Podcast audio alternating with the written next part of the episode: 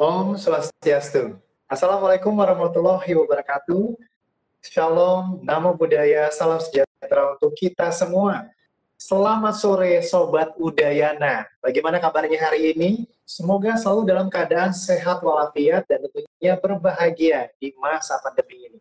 Dan senang sekali saya Agus juga terakhir dapat menemani seluruh Sobat Udayana di mana pun berada. Dan selama satu jam ke depan di program yang sudah kita nantikan bersama, apalagi kalau bukan program podcast As The Expert, series keempat, yang di mana dengan tema yang kita angkat pada hari ini adalah pentingnya isolasi ketika terpapar COVID-19. Sembuh diriku, aman orang sekitarku. Itulah tema yang kita angkat pada sore hari ini, Sobat Udayana.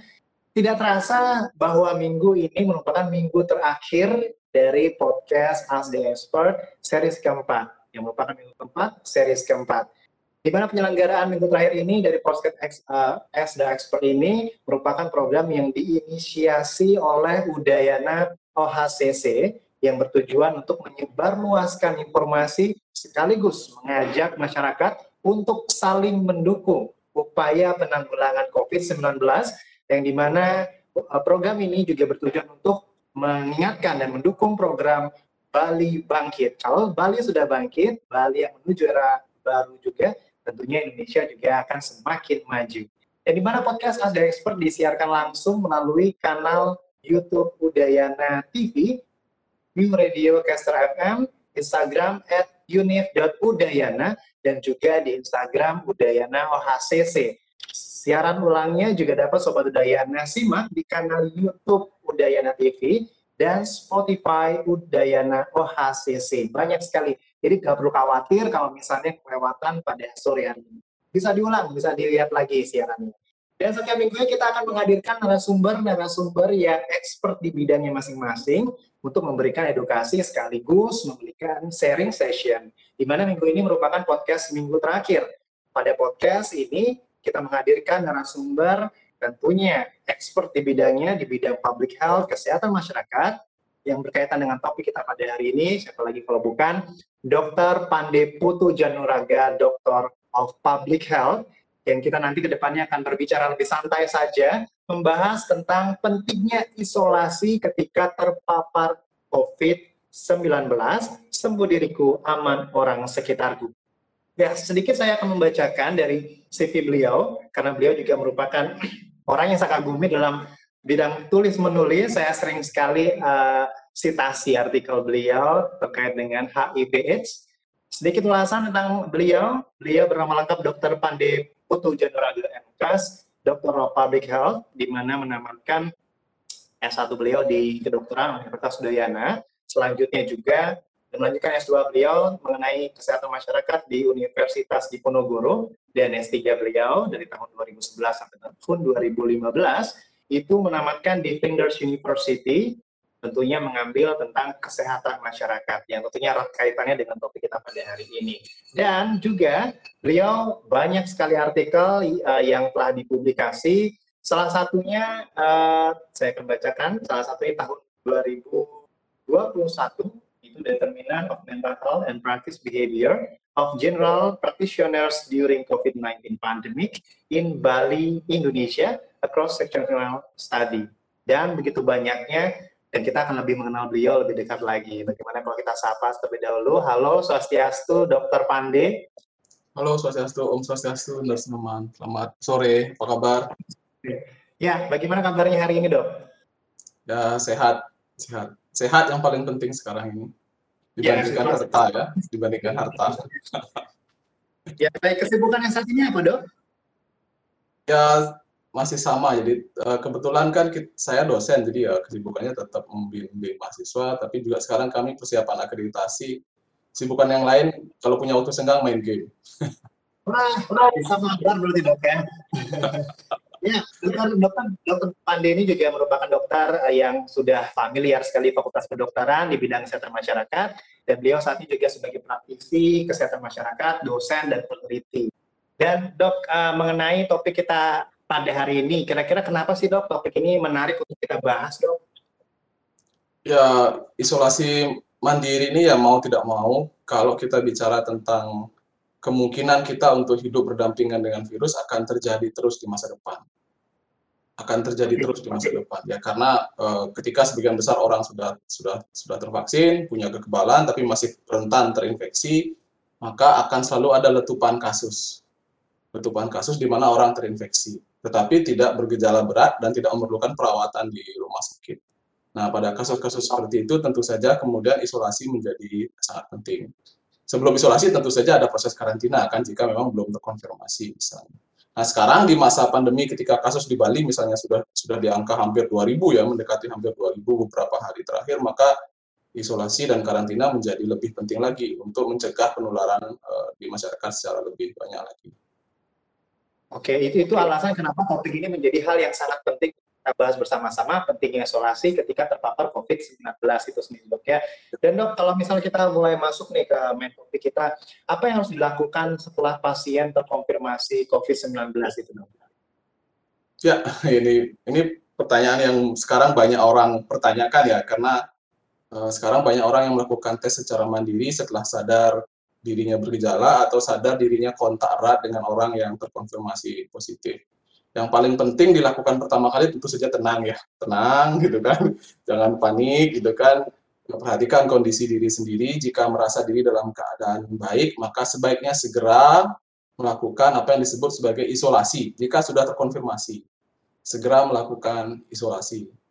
Nah isolasi harus dilakukan tentu saja di tempat-tempat yang sesuai ya. Di tempat yang sesuai misalnya begini kita punya space yang private pribadi tidak bercampur dengan orang lain termasuk untuk kebutuhan sanitasi kita jadi uh, uh, mandi, kemudian juga uh, ke belakang kan buang air besar, buang air kecil, dan kemudian juga pengelolaan tempat makan.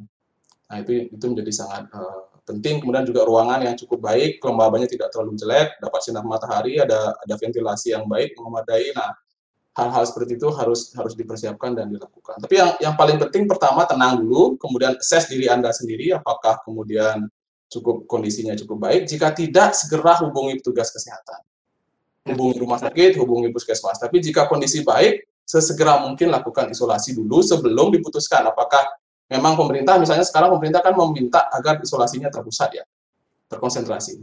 Nah, jadi kalau memang mau untuk isolasinya terpusat ya silahkan hubungi satgas uh, yang terkait atau puskesmas yang terdekat. Kalau kalau bergejala sudah hampir pasti ya sebaiknya tetap konsul dengan rumah sakit atau puskesmas. Tapi jika kondisi baik, tidak ada masalah, hanya gejala sangat ringan atau minor, silahkan assess apakah punya kapasitas untuk melakukan isolasi secara mandiri. Oke, dok dari tadi nih berbicara tentang isolasi terpusat, isolasi mandiri. Sebenarnya pengertian dari isolasi itu apa sih dok?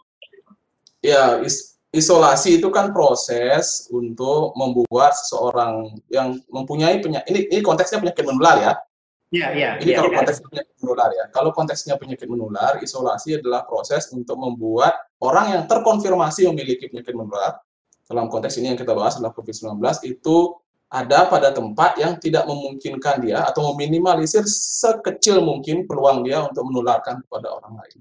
Jadi harus pada pada orang yang terkonfirmasi memang memiliki penyakit menular. Itu namanya isolasi. Nah, kalau, nah, kalau masih kenapa? Kalau misalnya karantina bedanya apa dok? Kalau karantina itu orang yang diduga suspek.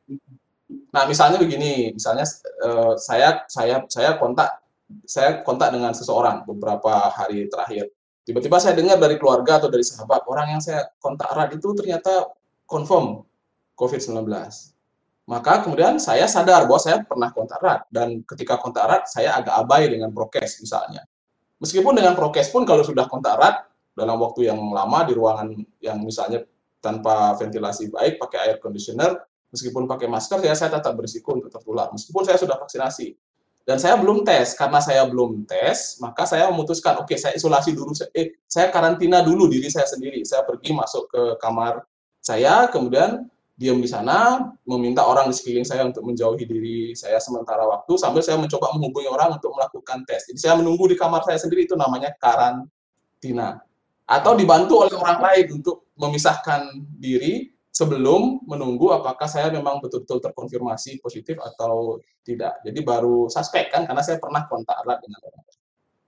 Oke, tadi dokter sempat menyinggung pernyataan untuk bisa menjaga jarak seperti itu. Memang uh, isolasi, karantina, dan menjaga jarak secara fisik itu beda artinya dok ya?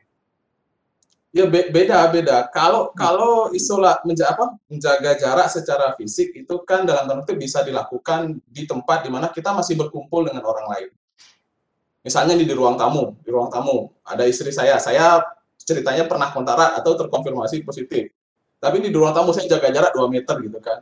Ya itu sebenarnya nggak memenuhi syarat isolasi atau atau karantina juga karena karena masih dalam dalam satu ruang meskipun saya meminimalisir risiko karena menjaga jarak. Tapi istri saya kan tidak dalam kondisi dia memakai APD misalnya ya kan? Karena di jadi ya sebenarnya saya harusnya di ruangan gitu kan istri saya di luar ruangan. Kemudian istri saya membantu memenuhi kebutuhan saya lewat uh, ya dia memakai APD misalnya dia memakai sarung tangan atau memakai masker memakai face shield ketika mengantarkan makanan ke saya atau memberikan pakaian gitu kan tapi setelah itu keluar lagi gitu. Jadi dia anggaplah dia, dia semacam perawat yang yang yang yang membantu saya gitu kan. Nah kalau kalau yang saya ceritakan tadi di ruang tamu gitu masih walaupun berjauhan itu jaga jarak namanya bukan bukan isolasi atau atau karantina ya dua hal yang, oh, misalnya, hal yang berbeda Ya dok, kalau misalnya informasi yang beredar saat ini kan menjaga jarak itu baiknya berapa meter ya dok ya? Kalau menjaga jarak untuk mengurangi risiko ya, kalau menjaga jarak untuk mengurangi risiko kan sebenarnya studinya bermacam-macam ya tergantung setting ya, tergantung sangat sangat sekali bergantung setting. Tapi rata-rata lah, rata-rata lah satu setengah meter, rata-rata. Hmm. Rata-rata. Tapi kalau begini ya, kalau di dalam ruangan yang ventilasinya buruk, sebaiknya semakin jauh Oke. Iya, okay. sebaiknya semakin jauh. Karena ruangan yang ventilasinya buruk, udaranya kan berputar di sana saja. Jadi uh, semakin dekat kita, peluangnya semakin semakin lebar. Walaupun satu setengah meter, tapi ventilasinya buruk, yo aerosol bisa kena juga. iya. Jadi ya, setelah sesuai konteks. Nah, berarti ventilasi yang buruk itu ketika ruangan tersebut masih dalam lingkup yang ada air conditioner atau AC-nya itu dok ya? yang tertutup lah, tidak ada pertukaran udara dengan udara luar kan, tidak ada pertukaran udara dengan udara luar yang yang yang sifatnya terbuka. Kalau air conditioner kan sebenarnya ada ya, tetapi kan sebelum dilempar keluar dia kan dengan udara yang dingin, dengan kelembapan yang terbatas kan dia sudah berputar di dalam dulu. Kemungkinan untuk ya. menciptakan aerosolnya lebih besar. Ya, dok kalau misalnya tadi sempat disinggung isolasi, kemudian karantina, memang tujuannya apa sih uh, untuk kita bisa melaksanakan dan disiplin untuk menerapkan karantina dan disiplin uh, isolasi itu dok? Uh, prinsipnya begini, ini kan penyakit menular ya, penyakit menular. Penyakit menular yang cara mekanisme penularannya itu relatif mudah, ya. tidak seperti HIV/AIDS. Kenapa sih orang dengan HIV/AIDS kita tidak perlu isolasi dan karantina? Atau yang penyakit hepatitis virus lain gitu kan? Kenapa mereka nggak perlu isolasi dan karantina? Karena menularnya itu susah HIV/AIDS itu. Harus berhubungan seks, harus menyuntikkan jarum, kan begitu ya? Tapi ya. kalau harus transfusi darah gitu kan? Tapi kalau ini kan batuk, pilek, hasib, ngomong kayak saya, itu bisa menularkan ya kan? Ngomong aja bisa menularkan. Ya, kalau HIV kan tidak. Ini ngomong saja bisa menularkan. Nah, ke, bagaimana caranya membuat orang di sekitar kita aman? Jadi mau tidak mau kita harus dalam tanda kutip gini dulu ya. Kayak kayak orang kalau orang mau merdeka kan harus berkorban dulu ya dulu dulu dulu pejuang gitu berkorban bahkan sampai kalau kita di Bali puputan gitu ya mati ya. sampai terakhir detik. Nah sekarang kita cuma diminta untuk mengorbankan diri ada dalam satu ruangan, mengisolasi atau mengkarantina diri kan, mengkarantina kalau suspek, mengisolasi kalau memang terkonfirm positif untuk melindungi orang lain loh, bukan untuk melindungi kita, orang kita sudah kena kok. Untuk melindungi orang lain. Jadi kalau Anda sayang orang lain, ngakunya patriotisme, saya cinta Indonesia, saya cinta istri, saya cinta anak, saya cinta orang tua, saya sembah sampai mati. Tapi batu-batu oh, oh, oh, oh di sekeliling orang, ya kan? Bohong tuh, bohong sama aja bohong. Jadi ketika kita isolasi, ketika kita karantina, itu sebenarnya menunjukkan ekspresi cinta kita loh pada orang di sekitar kita. Kita nggak ingin orang di sekitar kita itu susah, sakit karena kita. Nah orang yang pengkung, yang punya sok-sokan, tetap ah cuma batuk ah kesugen, itu orang yang tidak punya tepus liru, orang yang tidak kasih dengan orang di sekitarnya. Ya, jadi yang harus dikembangkan itu adalah rasa kasih sayang. Kalau Anda sayang dengan orang di sekitar Anda, Anda batuk, Ya kan? Ya tutup mulut loh, tutup mulut, pakai masker kan, bersin jangan aduh jangan begitu kan. Apalagi kalau terkonfirm terkonfirm COVID, yo isolasilah dirinya. Tapi kalau ya, baru suspek ya. ya karantina gitu kan, tunggu sampai kemudian Anda tes gitu. Iya, berarti ya. memang uh, cinta itu butuh pembuktian ya. Kalau ya cinta kan butuh pengorbanan. Nah, sekarang kan orang-orang teriak-teriak, saya cinta Indonesia, saya ingin Indonesia merdeka dari COVID. Ini COVID hoax, tapi yo cintanya dibuktikan dengan batuk sembarangan, panas keluar rumah, itu ya bukan cinta, itu nama namanya memperburuk kondisi. Dan seperti terjadi sekarang. Iya, dok kalau misalnya kita melakukan isolasi secara mandiri itu berapa lama waktu yang dibutuhkan? Dok? Oke, ini ini sangat bergantung ya macam-macam Pak. Bervariasi. Pertama begini, kita harus kita harus tahu betul yang disebut dengan natural history of disease, perjalanan penyakit.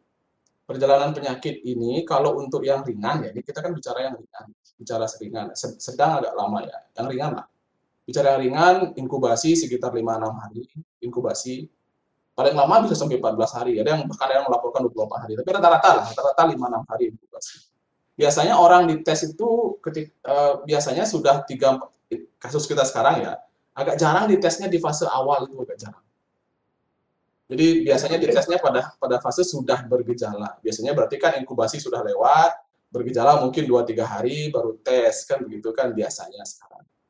Nah, sekarang sehingga kemudian akhirnya isolasi sekarang kalau kita perhatikan ya di tes PCR berikutnya pendek-pendek ya lima hari sudah sudah jadi Benar. negatif kan gitu kan karena memang sebenarnya inkubasinya sudah dilewati dan hari gejala awalnya sudah dilewati 14 hari dan, dan, itu sudah dilewati. Di masa inkubasi itu yang sebenarnya sudah sangat riskan untuk menularkan dok ya? Biasanya dua hari sebelum bergejala. Jadi dari lima hari itu sampai bergejala hari kelima, dua hari sebelumnya itu sudah sangat menularkan biasanya. Nah, jadi sebenarnya kalau kita memang tahunya dari awal ya dari periode awal itu yo sekitar 10 hari kan. 10 hari, 10 hari. Tapi ke kemudian kalau kalau kita bergejala sebaiknya sih bebas setelah 10 hari, tunggu dulu bebas bergejala tiga hari baru boleh selesai. Sehingga umumnya sih kalau kita lakukan sejak awal sekali gejala atau awal sekali periode infeksi, misalnya sekitar 13 hari atau 14 hari kita melakukan ya, isolasi. Tapi yang terjadi ya, sekarang ya. banyak kan itu taunya di tengah-tengah gitu. Sehingga gimana sih? Gimana caranya tahu ya kadang-kadang pakai tes kan, pakai tes exit test atau ya kemudian pakai hitung saya sakitnya kapan ya kira-kira? Oh, sakitnya saya tanggal tanggal 10. Sekarang sudah tanggal 20, berarti sudah 20, sudah 10 hari. Saya sekarang bergejala atau tidak? Kalau tidak bergejala, yo sudah berapa hari bebas gejala? Sudah tiga hari bebas gejala, yo aman. Harusnya begitu. Jadi prinsipnya 10 hari dari gejala awal dan tiga hari bebas gejala. Ya. Dan ya, dokter, menurut pandangan dokter sendiri, apa yang mendasari seseorang itu masih sangat enggan untuk melakukan isolasi atau karantina? Adakah faktor-faktor lingkungan, mungkin sosial yang mensupport itu akhirnya, aduh males, udah boboyo aja, lu bengkong aja gitu. Gimana dok?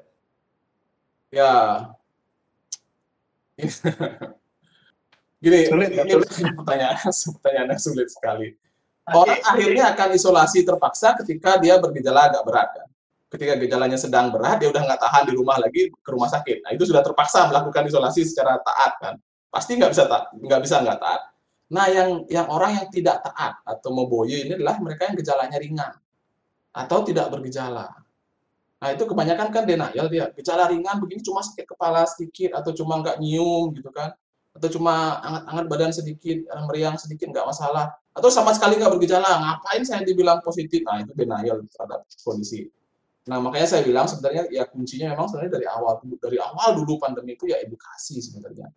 Dan juga karena persepsi masalah penyakit ya masyarakat kita terlalu dari dulu persepsi sakitnya adalah ketika orang bergejala parah baru sakit ada nih. Dari dulu sudah masyarakat kita begitu. Contoh paling nyata HIV.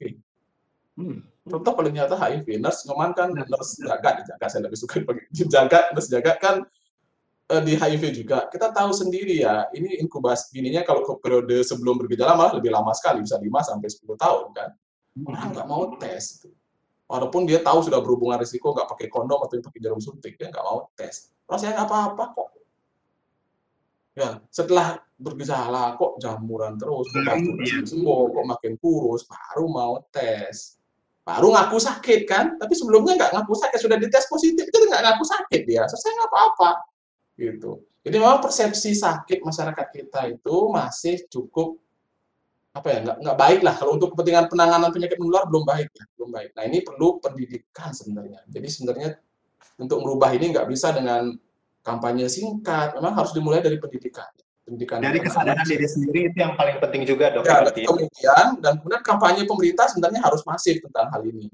Orang harus bisa dibuat ngerti betul bahwa COVID ini range-nya, range sindromnya, gejalanya macam-macam gitu loh. Untuk dibilang gejalanya macam memang macam-macam, menyerang multi organ masalahnya dia, gejalanya macam-macam. Jadi nggak nggak nggak apa ya, nggak nggak nggak sempit gejalanya. Orang harus dibuat sadar itu gitu. Dan ya, kemudian itu rasa cinta itu loh, rasa cinta itu penting gitu. Ya, lagi kita cinta. cinta itu butuh pembuktian, bukan hanya sekedar ya. kata. Ya dok, Tuh. tadi dokter membahas tentang ada adanya isolasi mandiri dan isolasi terpusat gitu dok ya. Memang mana yang lebih baik dok? Isolasi mandiri atau isolasi terpusat? Begini, begini ya, manusia itu selalu punya zona nyaman. Lalu punya nyaman. Nurse nyaman dulu pernah bepergian nggak? Kalau tidur di hotel bintang 5, bagus di hotelnya. Nyenyak tidurnya hari pertama. Uh, uh, uh, masih adaptasi gitu dok. Pasti adaptasi kan, susah kan. Saya tuh sudah dulu sebelum COVID bepergian sebulan dua kali, tiga kali loh tidak pernah bisa tidur bagus di hari pertama. Walaupun di hotel bintang 5 sekalipun. Ya, ya. Apalagi orang Bali yang percaya dengan uh, macam-macam ya, percaya dengan lingkungan sekitar, aura dan segala macam kan.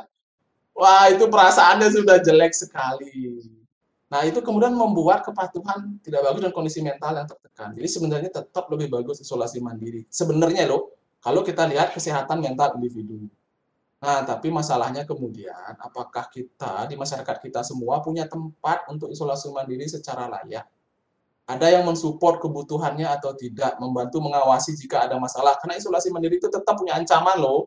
COVID ini seperti kita bilang tadi, gejalanya sangat bervariasi, tiba-tiba perburukan bisa terjadi, jadi harus dilakukan pengamatan atau monitoring yang sangat baik. Nah, tidak semua masyarakat bisa melakukan itu atau bisa memenuhi syarat itu. Sehingga mau tidak mau pemerintah memang harus menyediakan isolasi yang terkonsentrasi untuk membantu mereka yang memerlukan. Atau kalau mampu ya ambil take care semua. Tapi sebenarnya kan begini, banyak orang yang mampu kok isolasi mandiri, rumahnya memenuhi syarat, keluarganya bisa mensupport, gitu kan. Jadi kalau dari sisi kesehatan mental ya tetap lebih baik isolasi mandiri. Tapi dari sisi kalau orang yang nggak punya kapasitas, keluarga nggak mampu, ya lebih baik terkonsentrasi. Jadi sangat bergantung pada situasi.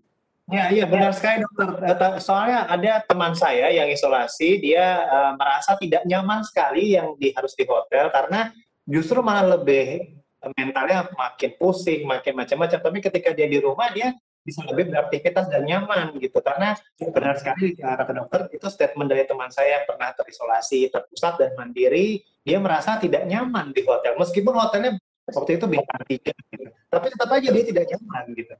Itu yang iya. juga yang iya. menjadi kesalahan dokter ya. Kan, kan ada ada pepatah home sweet home. Iya, iya. Sejelek nah, apa pun rumah kita kan. Iya, tapi tapi ingat syarat-syaratnya harus betul ya tadi. Seperti saya bilang tadi ada tempat ruangan ya yang memungkinkan kita sendiri tidak tidak bercampur dengan yang lain. Ada kamar mandi, usahakan kamar mandi dan tempat buang air besar ruang berkecil terpisah.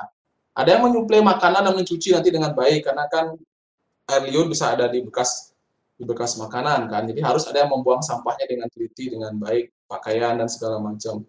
Jadi memang dan ada yang mengawasi gitu, mengawasi monitor gejala kita apakah ada kemungkinan ya perburukan atau tidak. Nah, tidak semua orang loh bisa bisa punya apa sih namanya privilege seperti itu.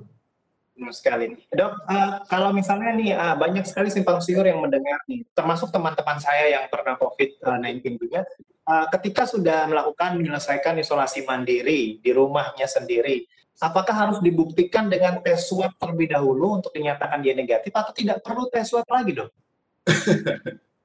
ini ini susah dijawab. Susahnya karena susah susahnya karena ada kepentingan. Sebenarnya begini ya, saya jelaskan secara teoritis ya. Secara teoritis, kalau kita sudah sakit ya, ini untuk hampir semua virus, kalau kita sakit terinfeksi, kemudian kita berhasil, kekebalan tubuh kita berhasil melawan, kita sembuh, itu virusnya mati tuh. Sudah tidak menularkan lagi. Karena fase infeksius itu adalah dua hari sebelum bergejala dan beberapa hari setelah bergejala.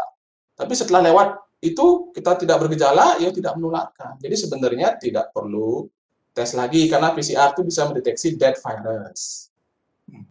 Sebenarnya, tetapi begini problemnya adalah setelah isolasi banyak yang ingin kantornya bekerja kembali dengan aman. Perasaan aman itu susah dibeli gitu. Jadi mensyaratkan untuk tes PCR kembali misalnya, atau paling tidak rapid antigen. Padahal meski harus itu buang-buang uang. Jadi sudah tiga hari bebas gejala, ya sudah aman sudah.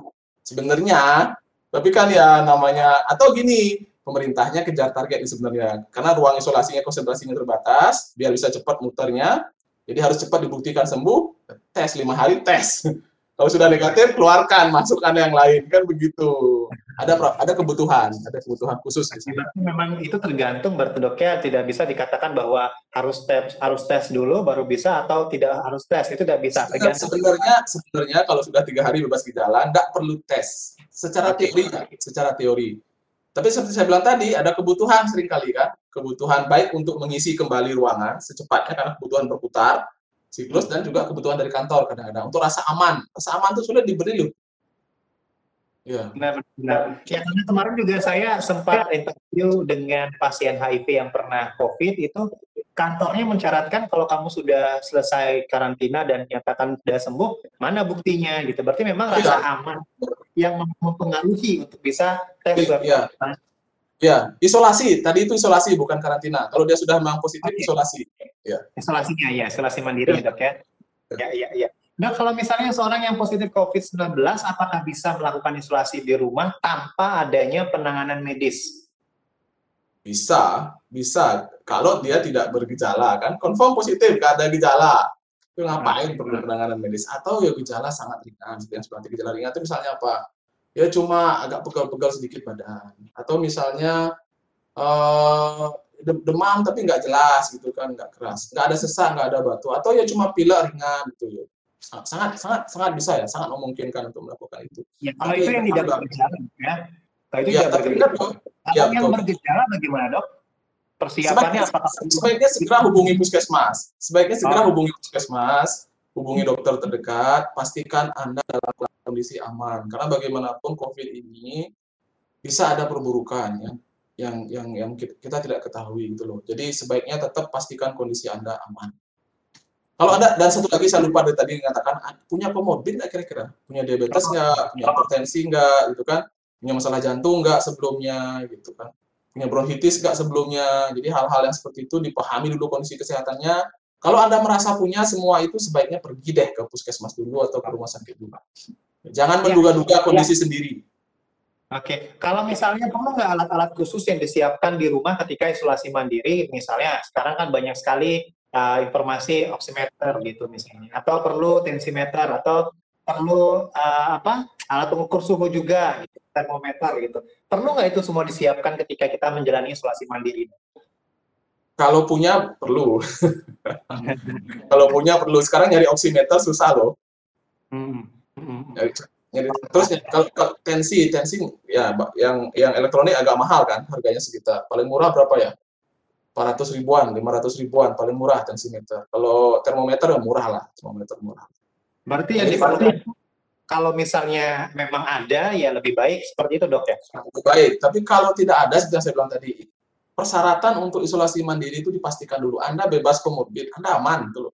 Anda bebas komorbid, gejala ringan, tidak ada sesak napas, sudah boleh. Tapi kalau yang lain, yuk sebaiknya begitu Anda merasa aneh, jantung berdebar, perasaan tidak enak, nafas merasa berat, lebih baik sudah hentikan isolasi mandirinya pergi ke layanan kesehatan.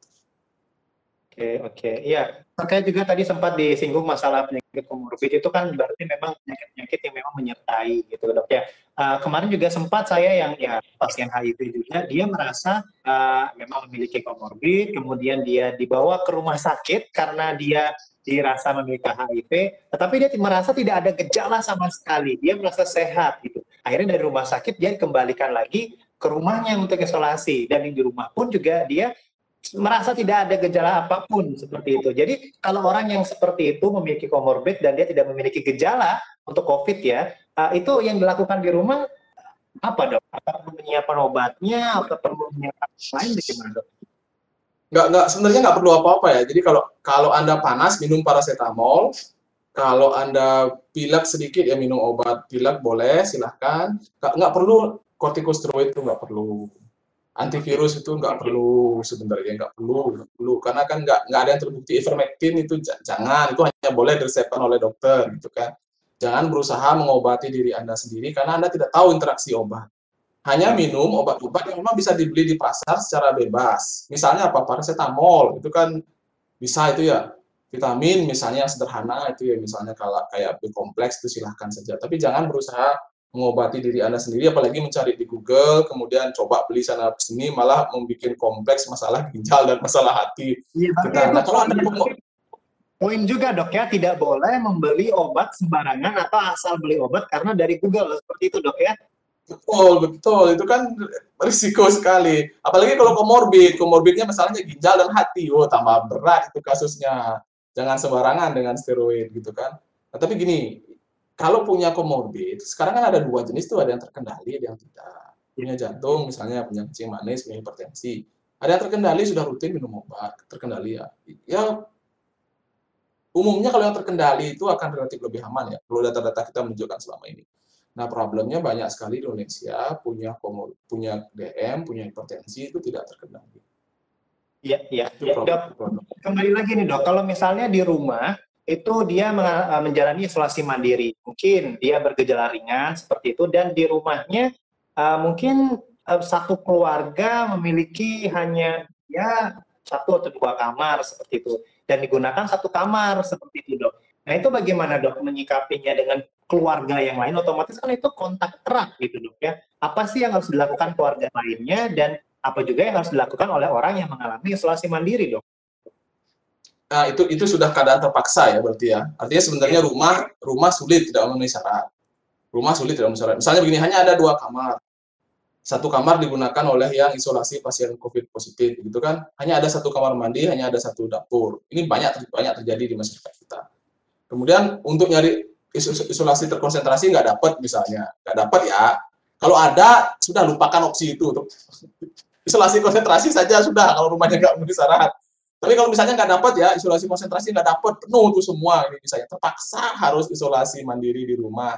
Jadi caranya begini, usahakan begitu kan kalau mandi itu yo kalau mandi ya kalau mandi kita kan terpaksa harus buka kadang-kadang buka buka muka gitu kan cuci cuci muka gitu kan ya setelah itu segera pakai masker kamar mandinya tunggu dulu jangan langsung dipakai kamar mandinya oleh yang berikutnya tunggu dulu beberapa menit. Kalau punya semprotan apa aerosol alkohol itu yang pembersih ruangan, silahkan boleh dipakai gitu kan. Tapi usahakan kamar, kamar mandi ada ventilasinya. Kemudian ya dapur jangan berikan yang sakit masuk, tetap mereka biarkan di kamar dan ke kamar mandi saja, hanya dua tempat itu saja.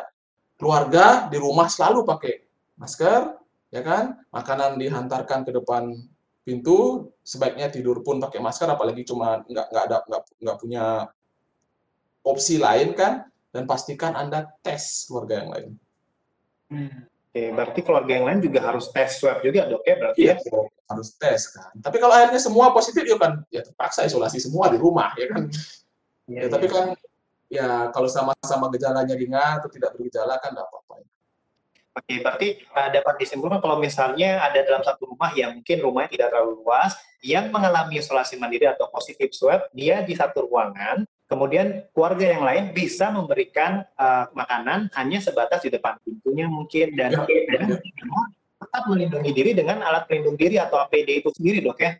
Tetaplah pakai masker. Jadi kalau menyentuh pakaian yang bekas dipakai kan harus terpaksa harus dicuciin dong. Nggak, nggak bisa mungkin pasiennya disuruh nyuci kita terpaksa nyucikan atau bawa keluar paling tidak diemberkan dulu, diplastikan dulu kan dia pakailah satu tangan handsun. Handsun sekarang nggak terlalu mahal harganya, masker juga murah-murah sekali sekarang. Pakailah double mask di rumah gitu kan.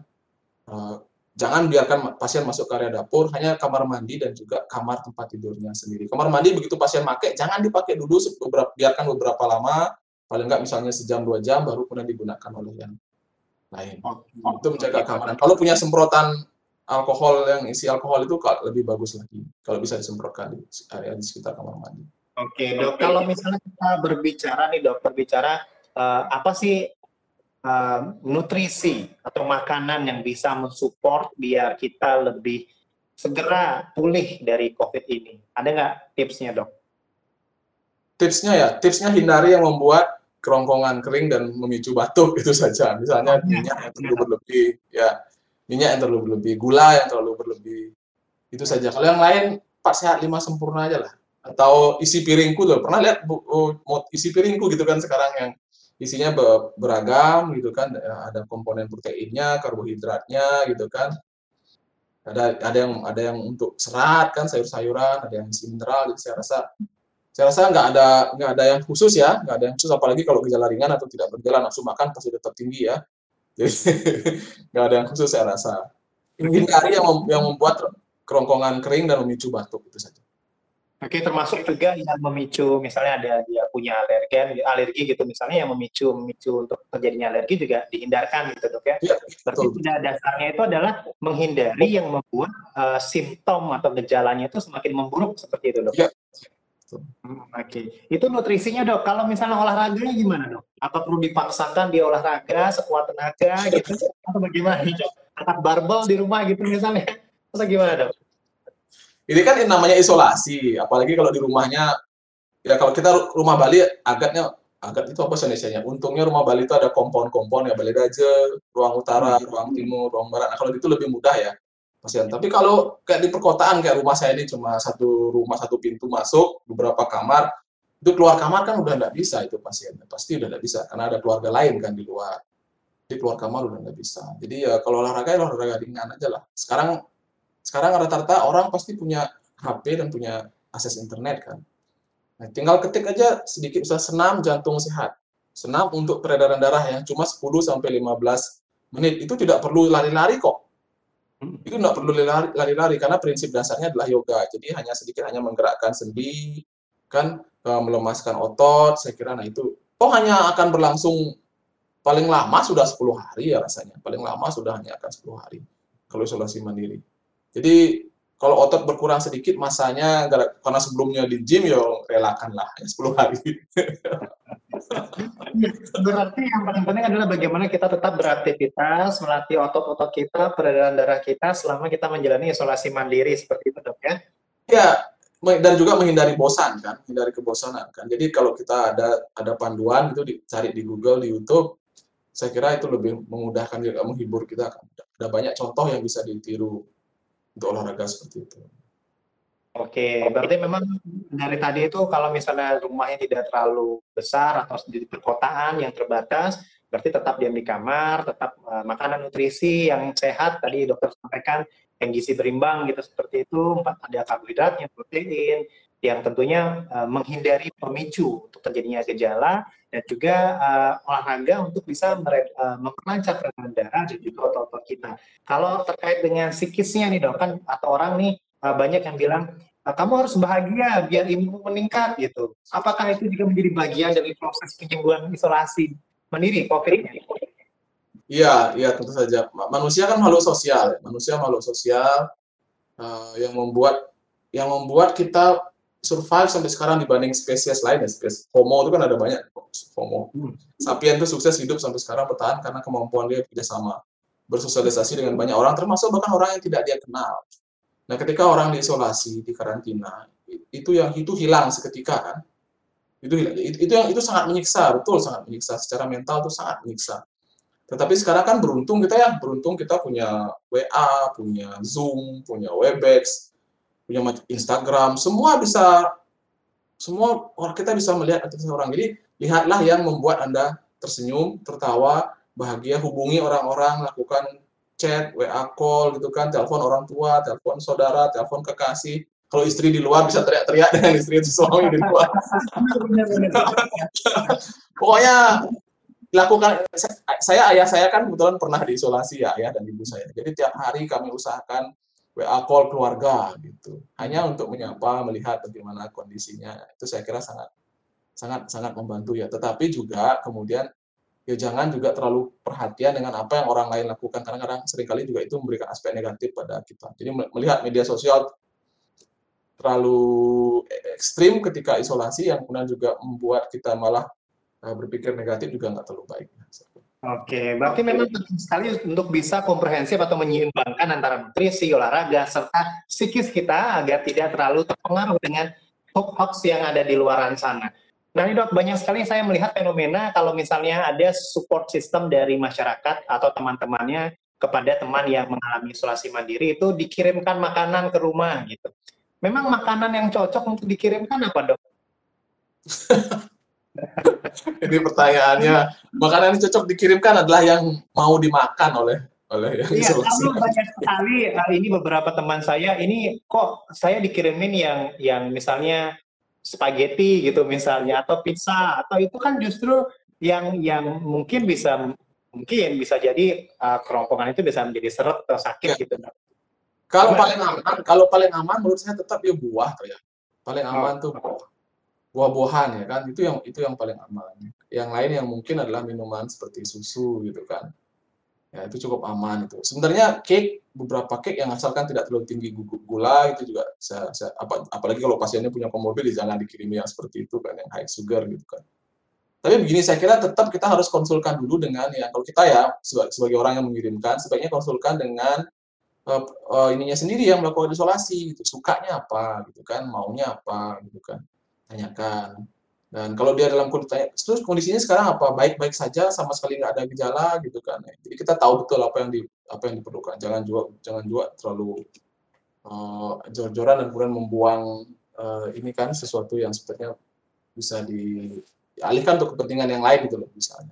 Ya siapa tahu yang dia butuhkan koran, bukan makanan kan bisa aja. Iya benar. Ya dok, uh, mungkin kita melanjutkan kembali dok. Uh, tadi sudah kita bahwa memang harus untuk bisa berolahraga dan juga support system juga dari kawan-kawan kita yang lain, keluarga kita. Nah kalau misalnya bagaimana dengan orang yang memang keluarga kita khususnya yang mungkin dinyatakan negatif swabnya gitu. Yang tentunya dapat dikatakan keluarga kita kontak dengan pasien COVID-19 gitu. Bagaimana prosedur karantinanya dok? Ya ini ini yang uh, kurang agak loose ya di, di kita ya kurang diperhatikan gitu kan. Back to natural history of disease tadi gitu kan natural history of disease. Misalnya misalnya saya bergejala di hari satu baru mulai bergejala baru pilek di hari satu berarti sebenarnya kalau mundur ya minus dua itu saya sebenarnya sudah menularkan. Dan saya kontak dengan keluarga saya sekarang. Ya kan? Dan dua hari itu saya kontak lah. Dua hari itu saya kontak terus sampai saya kemudian bergejala dan saya misalnya baru tes di hari kedua, hari ketiga, hari keempat, gitu. saya baru tes di sini. Nah saya positif gitu misalnya, tapi orang keluarga saya itu kontak erat tapi dia negatif gitu. Nah belum tentu sebenarnya dia negatif, belum tentu, karena kan dia bisa saja tertular di beberapa hari atau di hari yang dekat saya tes kan, sehingga dia inkubasinya mungkin 5-6 hari bahkan lebih ada sampai 14 hari.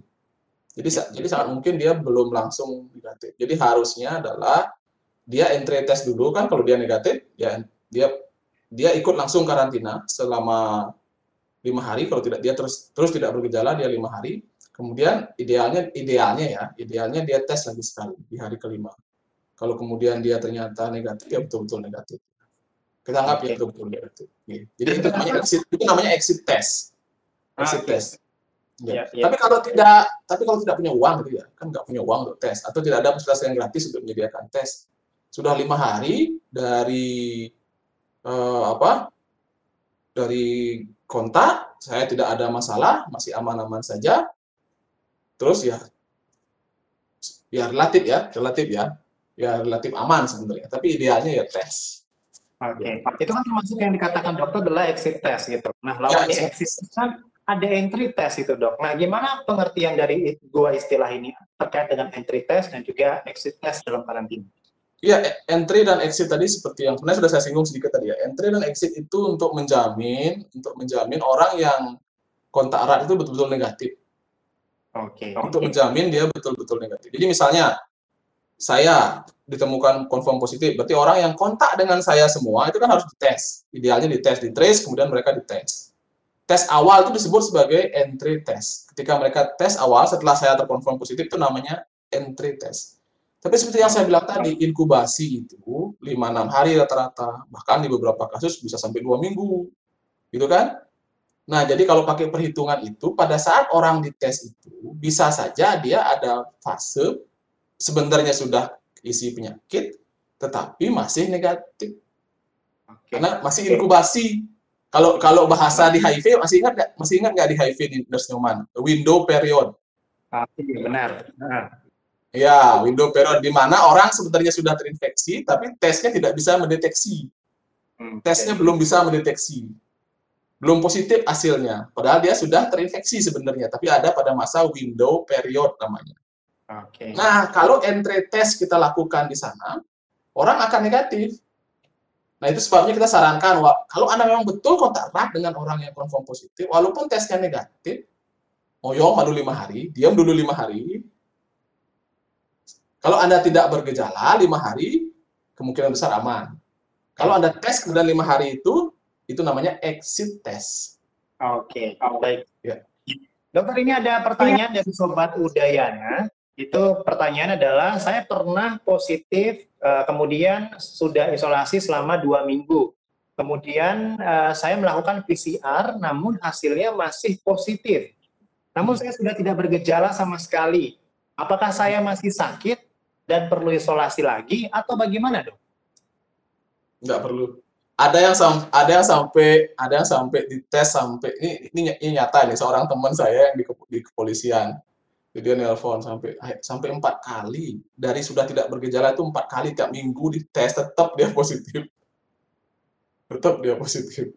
Itu karena PCR bisa mendetek, mendeteksi virus mati. Makanya anjurannya sebenarnya anjurannya tadi ya anjurannya tadi adalah begitu 10 hari atau tiga hari bebas gejala. Anda berarti sudah menang dalam tanda kutip ya menang individu melawan virusnya. Virusnya sudah tidak bisa menularkan lagi Ya, ini juga pertanyaan dari Sobat Udayana dok di kanal YouTube Udayana TV. Uh, ini sering terjadi di masyarakat kita. Apakah apabila kita melakukan isolasi mandiri di rumah, setelah isolasi apakah kita perlu melakukan penyemprotan desinfektan seluruh rumah dok? Oke, isolasinya di mana? Isolasinya kalau di satu kamar, tapi kemudian seluruh rumah sampai di sanggah disemprot ya sampai di peringgi disemprot ya ya nggak masuk akal juga kan sebaiknya melakukan disinfeksi hanya di tempat di mana anda beredar Oke, di mana karena di mana isolasi di sana disinfektan, jadi di ya. seperti itu ya. Betul, betul. Termasuk apa yang dipakai loh, pakaian itu dicuci, dicuci saja sudah cukup dicuci dengan benar. Oke. Cuci pakai sabun.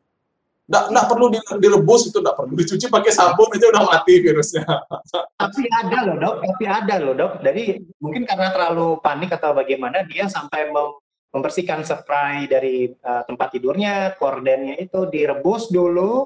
Setelah direbus dengan air panas, kemudian baru dicuci lagi dan dipanggil uh, petugas untuk menyemprotkan. Berarti itu menurut dokter berlebihan atau bagaimana dok?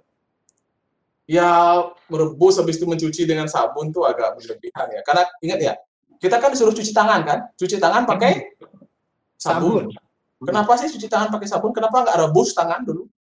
Oke. Ya, itu jawabannya. ya, berarti memang uh, tidak usah terlalu apa namanya panik seperti itu ya untuk menghadapi pandemi nah, ini. Dan, dan, dan begini loh dan begini, penularan terbesar terbukti selama ini penularan terbesar tetap pada komponen droplet dan aerosol. Droplet dulu, droplet itu yang utama. Droplet infection itu yang itu, itu yang paling penting. Penularan lewat surface terbukti sangat terbatas. Tidak dominan, tidak dominan dia. Jadi yang paling penting adalah justru ketika melakukan karantina dan isolasi, pakai maskernya. Pakai maskernya. Apalagi kalau karantina isolasi satu rumah ya, Nah kalau rumahnya kompon gitu kayak villa-villa gitu atau jauh-jauh ya boleh lah nggak pakai masker. Tapi kalau kalau sudah di rumah gitu ada orang di sekitar anda di luar pintu ya sebaiknya tetaplah pakai maskernya. Hindari iya, iya. membahayakan orang lain karena kita cinta dengan benar sekali. Kembali seperti tadi dok ya, kalau cinta buktikan kalau cinta dengan kasih. Iya, dok ini pertanyaan yang sering banget muncul di masyarakat apakah setelah sembuh dari COVID-19 atau dinyatakan negatif COVID-19 melalui swab PCR, apakah masih bisa tertular lagi atau masih bisa menularkan lagi?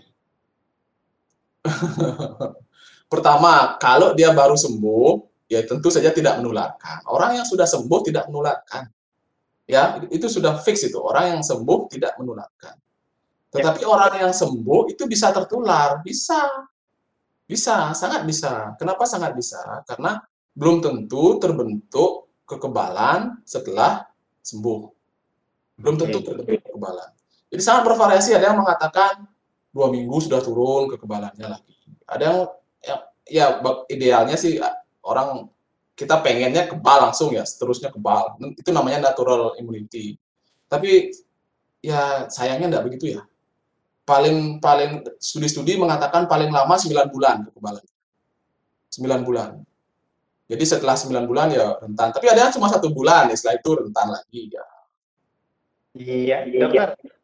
Ini uh, mungkin agak sudah mau kita pada penghujung acara nih dok. Nah dokter kira-kira ada yang ingin disampaikan nggak dok kepada masyarakat agar lebih yakin dan confidence lagi untuk melakukan isolasi mandiri atau melakukan karantina? Sekarang gini, opsinya kan ada dua ya. Opsinya ada dua. Terpusat atau mandiri. Kalau terpusat, pemerintah itu sudah janji, kebutuhannya dipenuhi oleh pemerintah. Makan, tempatnya di sana bagus, nyaman, itu tempatnya nggak jelek kok. Kita saya udah ngirim beberapa kali ngirim makanan ke teman-teman yang isolasi terpusat. Hotelnya bagus-bagus. Ataupun kalau tempat, kayak misalnya Bapak Kes beberapa, itu bagus-bagus tempat. Jadi tempatnya sudah bagus, dilayani, kesehatan Anda dimonitor, kan, makanan diperhatikan, ada olahraga, kesehatan mental, macam-macam. Jadi, dan kalau ada cinta dengan orang di sekitar Anda, tidak ingin merepotkan mereka, tidak ingin membuat mereka punya risiko untuk terpapar, lakukan itu. Ya kan? Tapi kalau tidak memungkinkan, karena misalnya penuh dan Anda harus terpaksa isolasi mandiri di rumah, itu berarti kan Anda harus membalas cinta orang-orang di sekitar kita kan, perhatian mereka kan. Ya caranya dengan apa? Patuhlah agar teman-teman, sahabat kita, keluarga kita tidak tertular dari kita yang positif.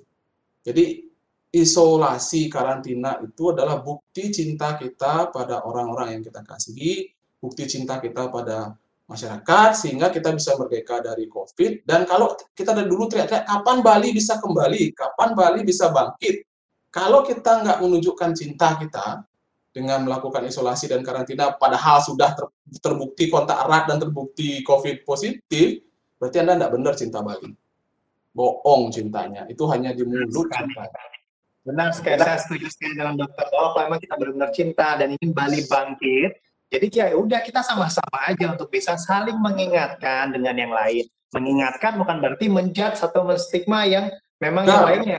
Gitu ya. Kalau kalau ada orang yang mau melakukan isolasi, mau melakukan karantina, padahal dia belum positif terbukti positif, tapi sudah mengkarantina diri, itu orang yang top, orang yang betul-betul cinta pada negaranya, orang-orang cinta dengan lingkungan di sekitarnya, justru harus diapresiasi, dihargai. Bila perlu nanti bikinkan sistem di desa ya, orang yang mau melakukan itu kirimi semua hadiah makanan gitu kan baru orang senang di karantina mungkin. Jangan mau saya karantina deh, saya karantina deh. Jangan-jangan begitu. Benar sekali. Harus saling support juga dok ya. Nah iya. harapan pada masyarakat ini apa dok? Ya harapan saya sekarang ya gini ya. Kita kan harus realistis ya. Sekarang JRX aja udah udah ngaku tuh COVID ada kata dia kan. JRX aja ya. udah, udah yakin sekarang COVID ada. Saudara saya kena, mertua saya kena, teman sekantor saya kena. Saya nggak vaksin karena alasan penyakit Ya, dia aja akhirnya sadar betul. Penyakitnya ada kok, real. Orang-orang sekitar kita meninggal. Nah, kalau Anda cinta dengan Bali, cinta dengan keluarga kita, kita ingin merdeka dari udah nonton Liga Inggris kemarin kan, mereka udah nggak udah nggak pakai masker. Kenapa? Karena mereka mau vaksinasi cepat dua kali. Jadi kalau ada kesempatan vaksin, vaksin apa pun itu vaksin, lakukan vaksin. Iya, kalau kemudian Anda Anda kontak erat, segera karantina diri, kalau positif lakukan isolasi, kalau mau terpusat silahkan. Di luar itu mask, mask on, please mask on. Selama epidemi belum terkendali, pandemi COVID belum terkendali, maskernya pasang di wajah. Orang-orang lain mau berkorban dulu, mau sehingga akhirnya mereka berhasil menang. Kalau kita nggak mau berkorban secara bersama-sama, kita nggak akan menang. Ya kan? Jadi harus mau berkorban bersama-sama serempak, pasti kita menang. Ya, benar sekali. Ya. Dokter, ini kan permasalahannya bukan uh, ya masyarakat oke okay lah, masih banyak yang masih memboye, bengkung terkait dengan COVID-19, tapi bagaimanapun kita harus tetap untuk saling mengingatkan. Nah, kalau harapan dokter kepada pemerintah nih, bagaimana dok?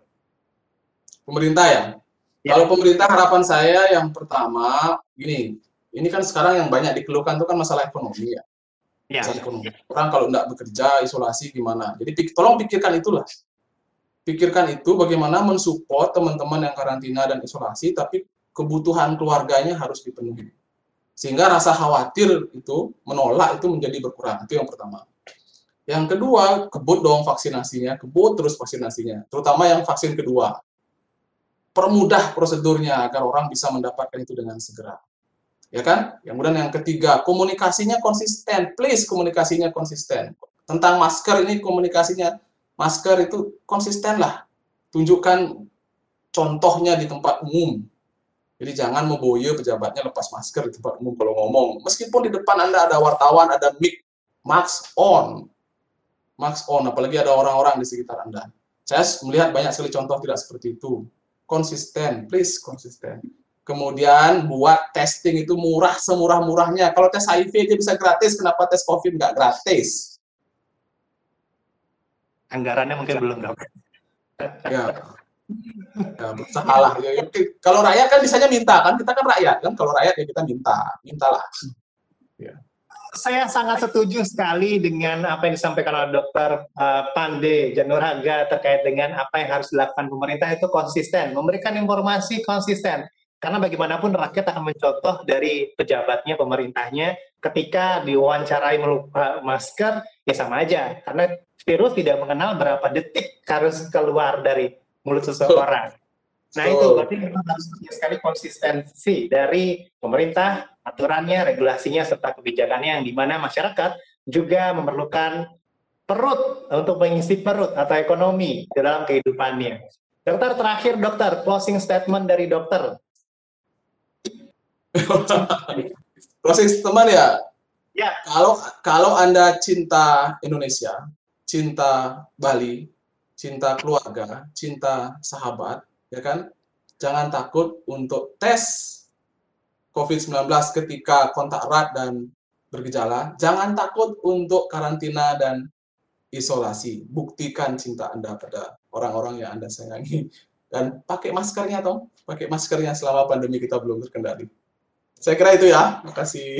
Nah, terima kasih Dr. Pandiputu Januraga. Luar biasa sekali perbincangan kita pada sore hari ini yang memang dari statement dokter itulah bagaimana kalau kita memang cinta sama orang, kita cinta sama orang tua, kekasih pasangan kita, buktikan cinta kita. Jangan hanya sekedar kata, bagaimanapun COVID-19 ini merupakan penyakit menular. Kalau misalnya kita merasa dinyatakan positif, kita lakukan isolasi mandiri, kita lakukan prosedur protokol kesehatan dengan baik dan benar. Dan untuk orang-orang di sekitar, keluarga, kemudian yang pernah kontak erat, tetap juga melakukan uh, eh, APD lengkap atau dalam artian setidaknya masker, kemudian menjaga jarak, serta tetap selalu ingat untuk mencuci tangan. Bagaimanapun, COVID-19 ini merupakan masalah bersama, bagaimana kita bisa maju, bagaimana kita bisa bangkit, balik bangkit kalau memang dari diri kita sendiri tidak sadar akan bahayanya COVID-19 di masyarakat.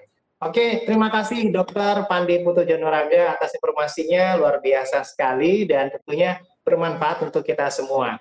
Dan kami juga mengucapkan terima kasih kepada media partner kami, di antaranya News ID, ada juga dari Berita Pajar Timur, lintasbali.com, kemudian kami mengucapkan terima kasih kepada Dewata News, Bali Exbis, kemudian ada Podium News. Kita juga mengucapkan terima kasih kepada Two Brothers Bali, Kesmas ID, Info Denpasar, Punapi Tabanan, Bali Terkini, Pesona Taksu Bali, dan Bali Bengong. Terima kasih kepada semuanya yang telah memberikan apresiasi terhadap acara podcast series keempat ini tentang pentingnya isolasi ketika terpapar COVID-19.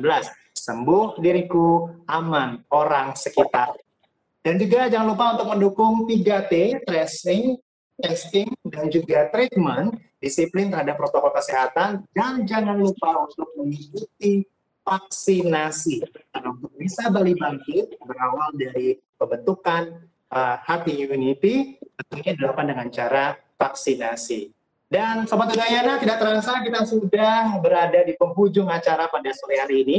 Kami ucapkan terima kasih kepada Sobat Udayana yang telah menyaksikan tidak hanya di IG, Instagram saja, tapi juga di kanal YouTube kita Dan uh, tentunya jangan lupa bagikan informasi ke orang-orang terdekat Anda agar lebih bermanfaat. Tenang saja karena siaran ini juga bisa ditonton ulang kembali dan diperhatikan informasi-informasi penting yang didapatkan.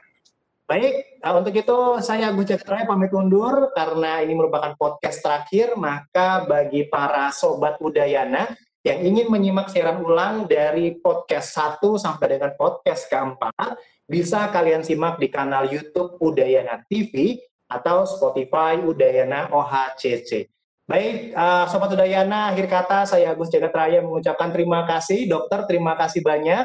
Dan seluruh Sobat Udayana, terima kasih banyak atas perhatian dan atensinya. Selalu jaga kondisi, selalu tetap semangat, dan selalu menjaga kebahagiaan untuk bisa mempertahankan imunitas. Saya akhiri dengan para Santi. Om Santi Santi Santi Om. Wassalamualaikum warahmatullahi wabarakatuh. Shalom, sadu, sadu, sadu. Salam sejahtera. Salam sehat untuk kita semua. Sampai jumpa.